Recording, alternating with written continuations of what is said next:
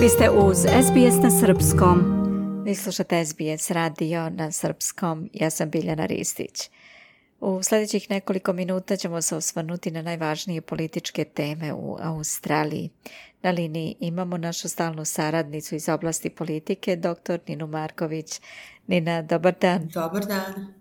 Nina, da se možda danas prvo osvrnemo na rasprave u parlamentu koje se odnose na kontroverzni zakon o radnim odnosima. Tako je, zaista je kontroverzan i kontroverzan ne jenjava.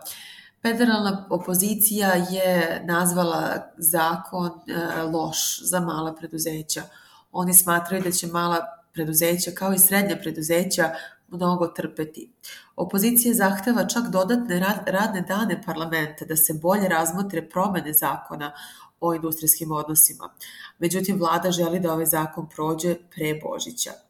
Treba će im do duše bar jedan nezavisni senator. Najverovatnije će to biti David Pokok, ali još uvek ne znamo da li će on 100% ovaj zakon podržati. On je rekao da je njegov prioritet na konsultacijama, da je od 85 do 90% ovog zakona ima njegovu podršku, ali ne 100%. Dosta ljudi preispituju njega. Za sada on punu podršku neće dati.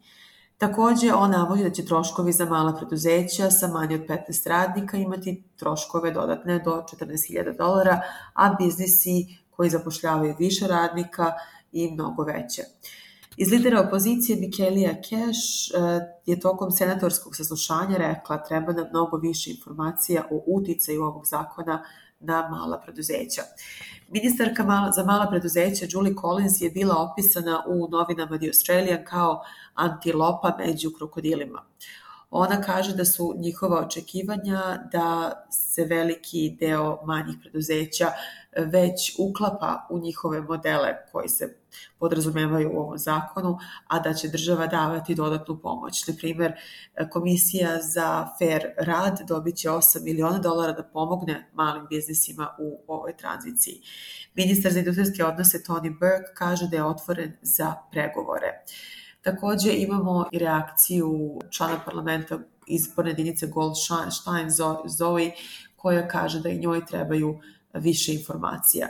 Ovo će biti najveće promene od 1970. godina, ukoliko zaista prođu do Božića. Nina, zanimljivo je da je na marginama rasprave o zakonu o radnim odnosima u parlamentu bilo reči o kompaniji Qantas, tačnije o direktoru kompanije Alanu Joyce. O čemu se radi? Laboristički senator Tony Sheldon je napao Alana Joyce iz Qantasa da se ponaša po njegovim rečima kao uh, korporacijski gorila. On kaže da je Joyce poveo rat na srednju klasu ljudi. Sheldon je bio bivši podpredsednik Saveta za radničke savete iz sekretar radničkih saveta Australije za transportne radnike. On je ovaj komentar dao na dan sastanka između Antonija Albanezea i Alana Joycea, iako nije direktno povezano. On kaže da je bilo naznaka da ukoliko laboristički zakon prođe, Qantas je već predvideo rezove na linijama, posebno u regionalnim merijima.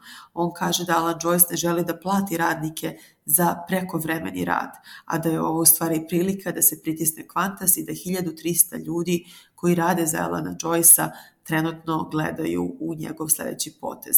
Za sada nemamo zvaničnu uh, izjavu niti odgovor Alana Joyce-a. Da. Rasprave se vode i o cenama energenata a federalni blagajnik Jim Chalmers ima vrlo interesantne poglede na to zbog čega su visoke cene energenata. Šta on kaže?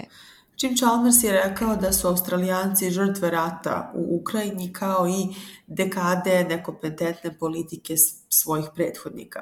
Međutim, nezavisna članica parlamenta Dai Lee iz izborne jedinice Fowler kaže da ona zahteva datum do kada će vlada da smanji cene energetike, zato što ona smatra da ne može da se samo krivi Rusija i da se krivi rat uh, za sadašnje cene koje stalno rastu, a imamo indikacije da pre februara, kada Rezervna banka Australije ponovo zaseda, se, će se stvari najverovatnije pogoršavati u domenu inflacije. Da sa federalnog političkog nivoa pređemo na državni nivo. Dan Andrews je usred kontroverziji pred same izbore u Viktoriji koji su u subotu nije odbio da kaže javno koliki je budžet za železnički projekat. O čemu se radi?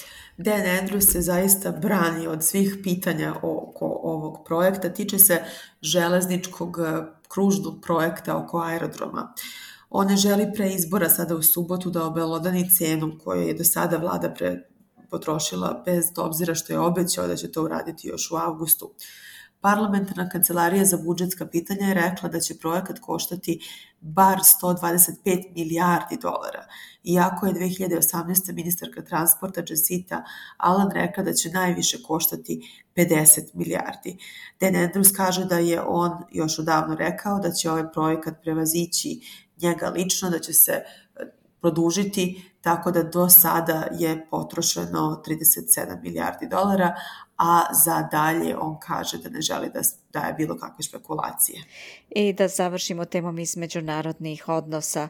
Lider opozicije za međunarodne odnose komentarisao je nedavni sastanak australijskog premijera i kineskog predsjednika. Također, nekadašnji premijer Kevin Rudd ima interesantne procene šta će se dešavati ukoliko se nastave tenzije oko Tajvana. Simon Birmingham, koji je izaslanik opozicije za međunarodne odnose, je pozdravio susret Antonija Albanezea sa kineskim predsjednikom Xi Jinpingom na marginama samita G20 uh, u Indoneziji. Međutim, on podvlači da su strateški izazovi ogromni za Australiju. A sa time se slaže zanimljivo i 26. premijer Australije Kevin Rudd koji je pre dva dana održao veliko predavanje na Australijskom nacionalnom univerzitetu. Kevin Rudd je rekao da kineski predsjednik Xi Jinping ima takozvane ciljeve za Tajvan koji naznačuju veoma opasno vreme ispred nas.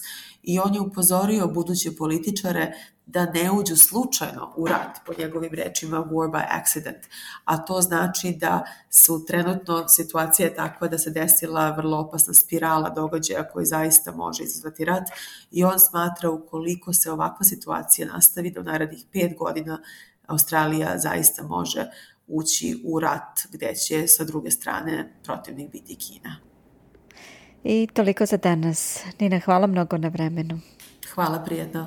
Bila je to naša saradnica iz oblasti politike, dr. Nina Marković. Vi slušate program na srpskom, ja sam Biljana Ristić. Želite da čujete još priča poput ove? Slušajte nas na Apple Podcast, Google Podcast, Spotify ili odakle god slušate podcast.